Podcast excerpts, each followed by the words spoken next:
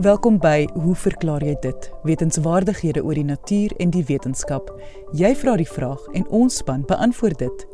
My naam is Lise Swart en ons paneelkenners vandag is entomoloog Dr. Johan Pretorius, herpetoloog Professor Lefras Meton en ekoloog Dr. Dave Peppler.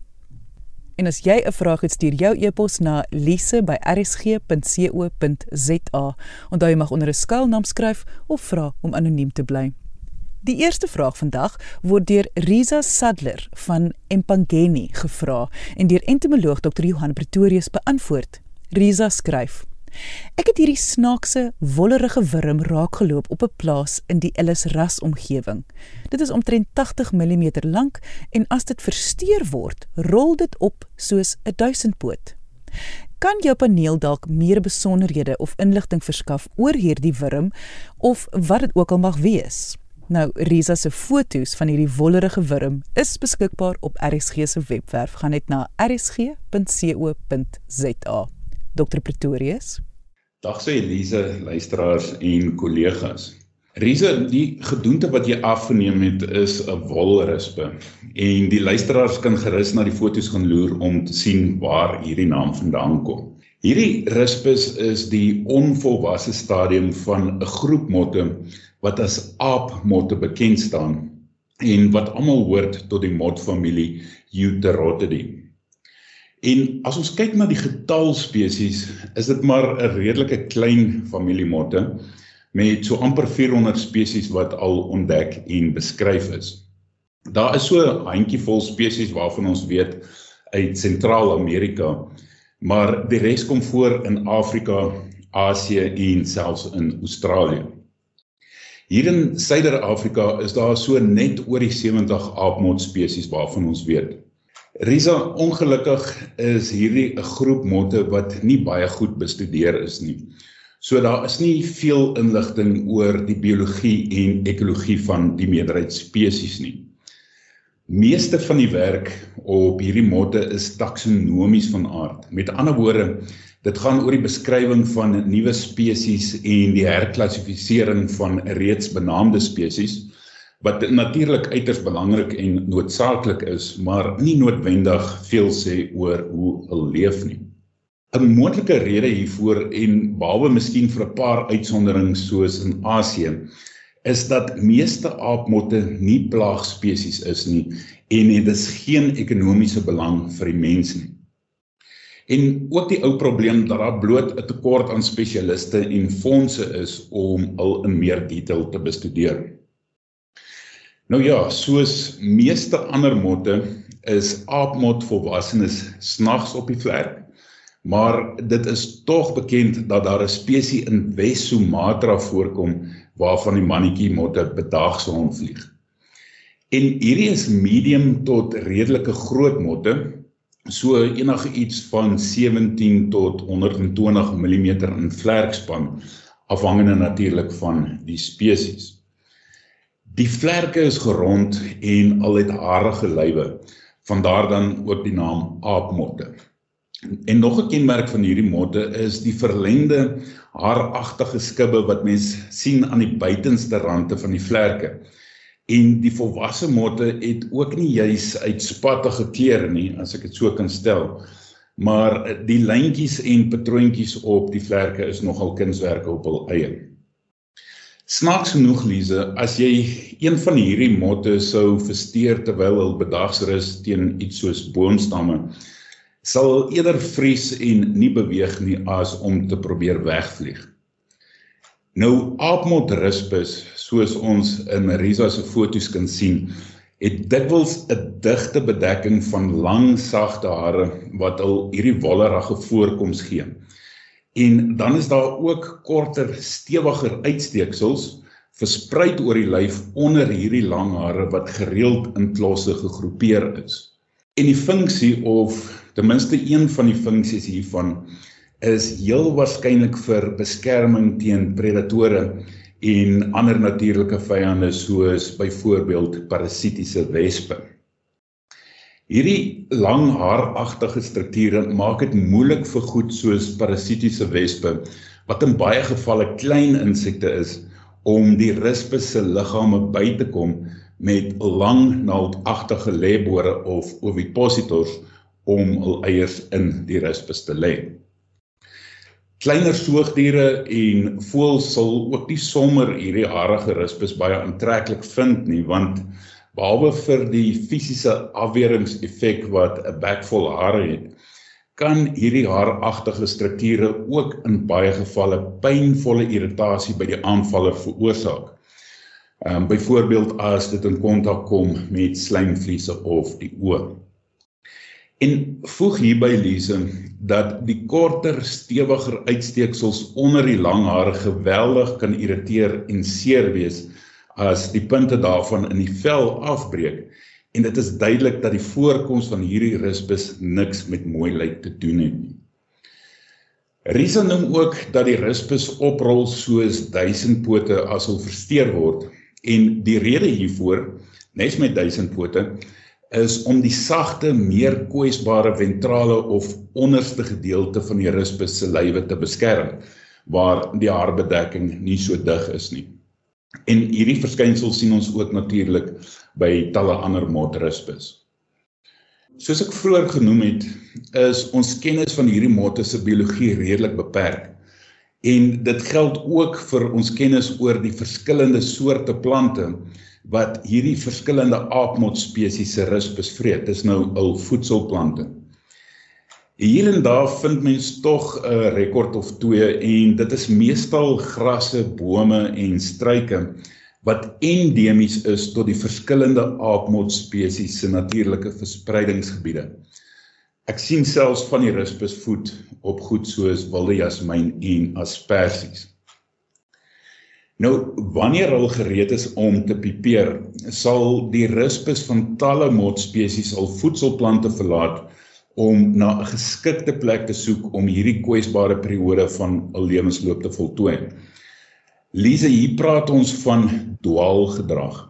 Met ander woorde, hormonale veranderinge programmeer die uitgegroeide rispus om op te hou vreet en hul voedselplante te verlaat met die doel om 'n beskutte plek te soek om te pipeer. Nou Risa noem ongelukkig nie wanneer sy die aapmotrispe afgeneem het nie, maar baie motsoorte spandeer die winter in die papie stadium. Dit is ook een rede hoekom mens die tyd van die jaar, dis nou hier voor winter, gereeld motrispes oor paaie en op die grond sien rondbeweeg.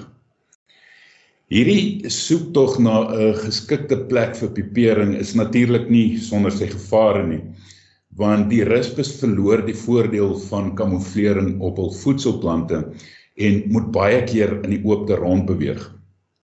Ek sou raai dat dit moontlike rede kan wees hoekom baie van hierdie rispus sulke verdedigingsmeganismes teen natuurlike vyande het. Nou aapmotrispus spesifiek pipeer gewoonlik op die grondoppervlak onder of tussen die beskerming van dooie organiese materiaal soos byvoorbeeld ehm um, blare.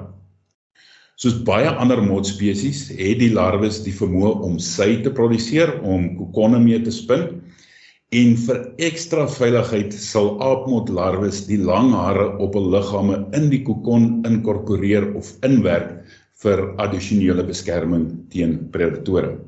Lise net so vir interessantheid en om af te sluit. Meeste van ons is bekend met Mopani wurms wat as voedselbron hier in Suid-Afrika benut word en baie van die luisteraars het dit seker al probeer ook. Maar buiten vir Mopani wurms is daar tog ander motsoorte wat se rispus ook as voedsel versamel word. En hier in Suid-Afrika, veral in Limpopo, word een van die aapmot spesies se rispus gereeld versamel en nes met mopani wurms gedroog en geëet deur die plaaslike bevolking wat natuurlik 'n uitstekende bron van proteïene is. So Risa, dankie vir die vraag en fotos. 'n Goeie geleentheid om sommer ook bietjie oor een van die kleiner en minder bekende motgroepe te gesels.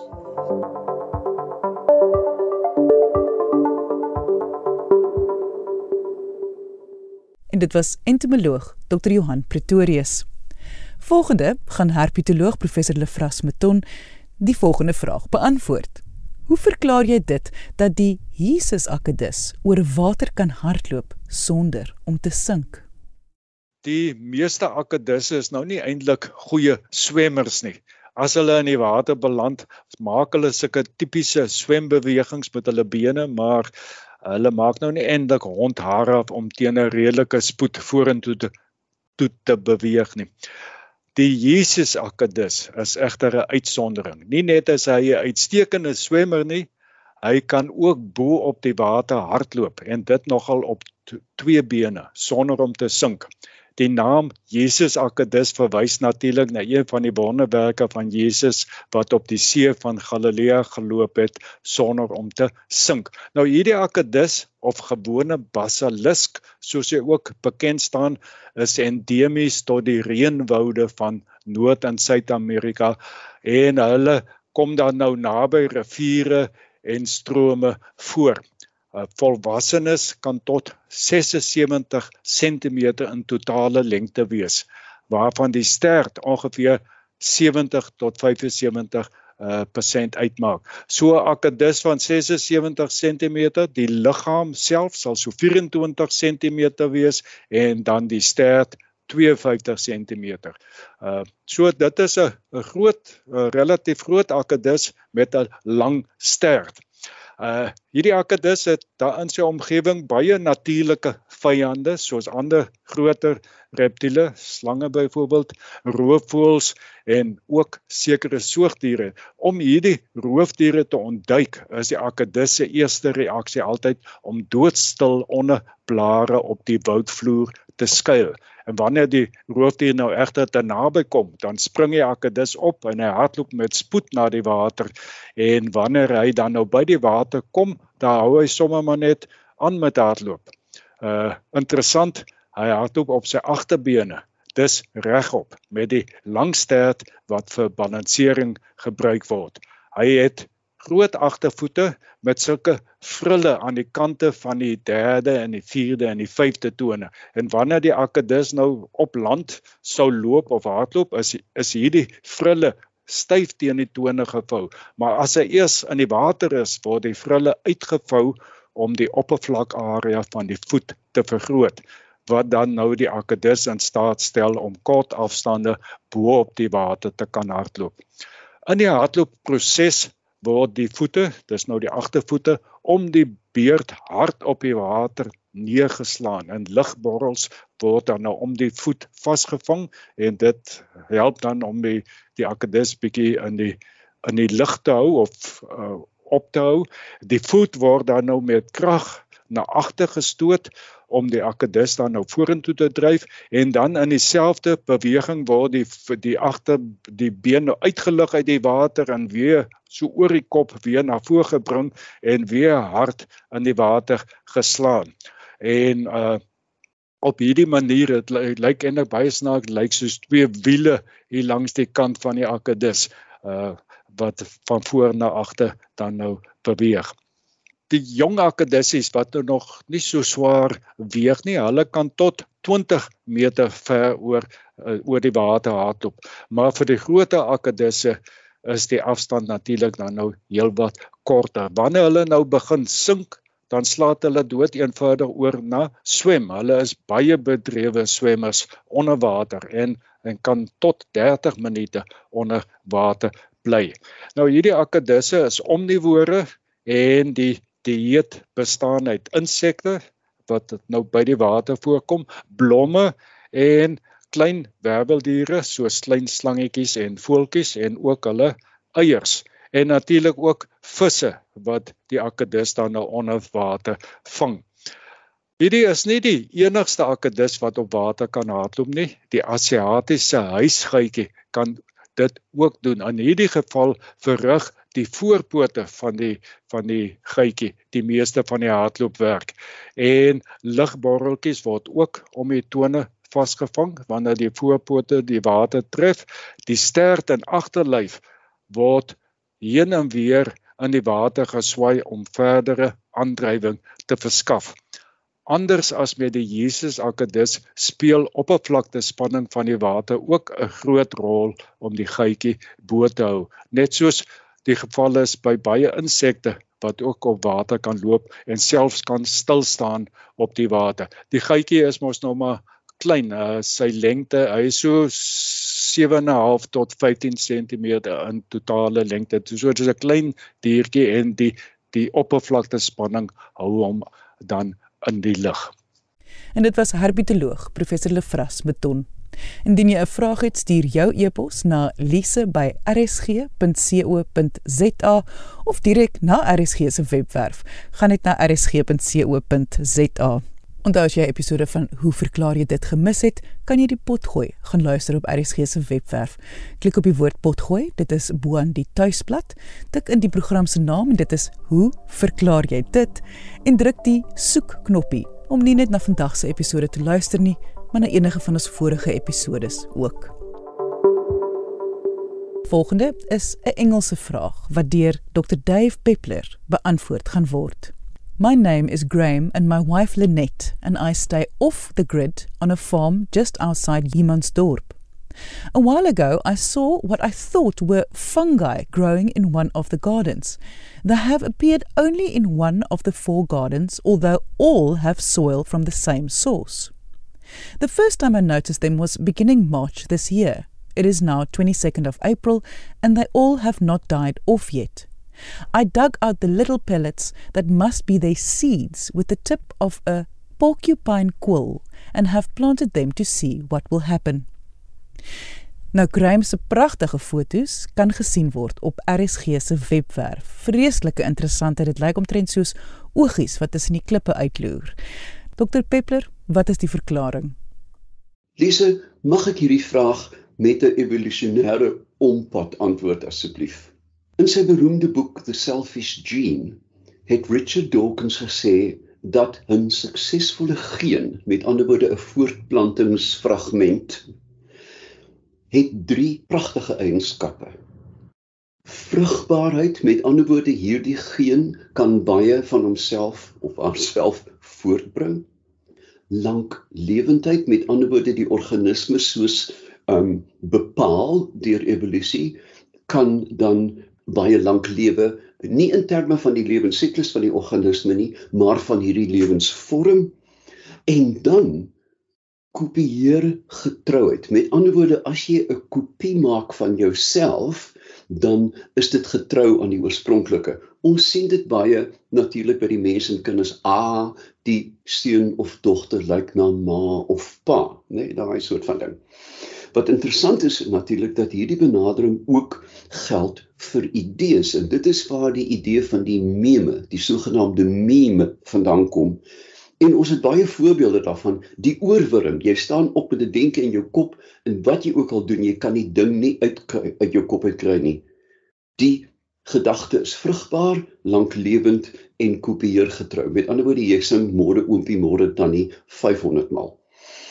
Nou, lewende organismes volg hoofsaaklik twee strategieë om voortplanting te verseker en, en oorlewing dan daarbey in terme van darwinistiese sukses het 'n biologiese strategie dan 'n meganisme om te verseker dat oorlewing plaasvind.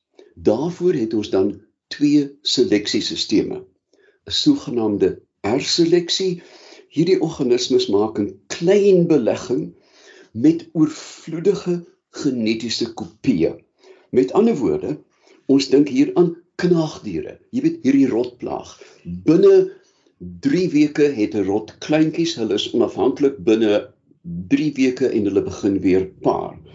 Ons sien dit by visse, visse veral op koraalribbe wat met die presiese temperatuur, maan, gety, um dan letterlik miljoene eiers vrystel en dit in die water laat dryf. Ons sien dit by paddas en ons sien dit natuurlik ook by plante wat baie sade maak. In teenstelling met hierdie um saad na die wind is daar die K-seleksie. En dit is die volkomme en toegewyde belegging in een nasaad. Ons sien dit by mense. Jy weet, jy kan nie elke maand 'n kind kry nie. Die um swangerskap is lank, die belegging in 'n hulpelose kleintjie 'n babatjie is baie lank. Jy weet dit neem jou 18 jaar om van die ding ontslae te raak. Um ons sien dit by walvisse waarby blou walvisse die jongeling vir etlike jare by sy ma bly. Um ons sien dit by olifante en natuurlik ook by die groot ape. In die hele geskiedenis van die groot ape kan jy op een hand tel die aantal tweelinge wat gebore is. Dit is een wese wat hulpeloos is en dan oor baie baie jare baie versigtig grootgemaak word. So, nou kan ons kom by die antwoord. Die organisme in die foto is 'n voelmes fungus waar die vrugliggaame met ander woorde die op die op organe wat die spore van hierdie fungus um produseer in 'n kegelvorm vasgevang word soos eiertjies in 'n nes. Die familie van hierdie uh, uh sampioene of fungusse is die Nidulariaceae uh, uit die orde Argallicaris. Nou ja, hulle is saprofiete met ander woorde, hulle is organismes wat lewe op dooie materiaal en veral hout en kom natuurlik voor waar daar in 'n tuin genoeg mollem is, 'n deklaag van organiese materiaal en dan uit die niet verskyn hierdie merkwaardige nessies vol eiers. Nou, die vorming van hierdie vrugliggame vol spore um is baie spesifiek gerig op slegs een vektor, een prikkel wat hulle sal versprei. En dit is die reendruppel. Dink 'n bietjie aan. Hier is 'n kegeltjie, 'n byna soos 'n wynkelkie vol eiervormige ryp ehm um, vrugliggaame en dan as die reendruppel hierdie koppie tref, skud dit hewig, vibreer en laat hierdie fyn fyn spore in die lug uh, los. Ehm um, en dan is dit nog getroffe. Die wind neem hulle in alle rigtings. Met ander woorde, byna soos 'n stemvurk wag die fungus dan op 'n reendruppel wat die kegel skud en vibreer. Um met miljoene spore sal dit of een of twee posvat en dit is al wat die plant verlang. Al wat hy wil hê sy is dat net een van hierdie spore moet ontkiem en dit beteken sukses. As jy dink aan hierdie strategieë en die misterie van voortplanting maak hierdie twee R en K seleksie skielik helder sin. En dit was ekoloog Dr Dave Peppler. Onthou as jy 'n vraag het, stuur dit na lise@rsg.co.za. Jy mag onder 'n skuilnaam skryf of vra om anoniem te bly. Ek sê baie dankie aan ons kenners en veral ons vraagstellers vandag. Onthou om altyd nuuskierig te bly en vra te vra. Tot volgende week hier op RSG saam met my, Lise Swart. Totsiens.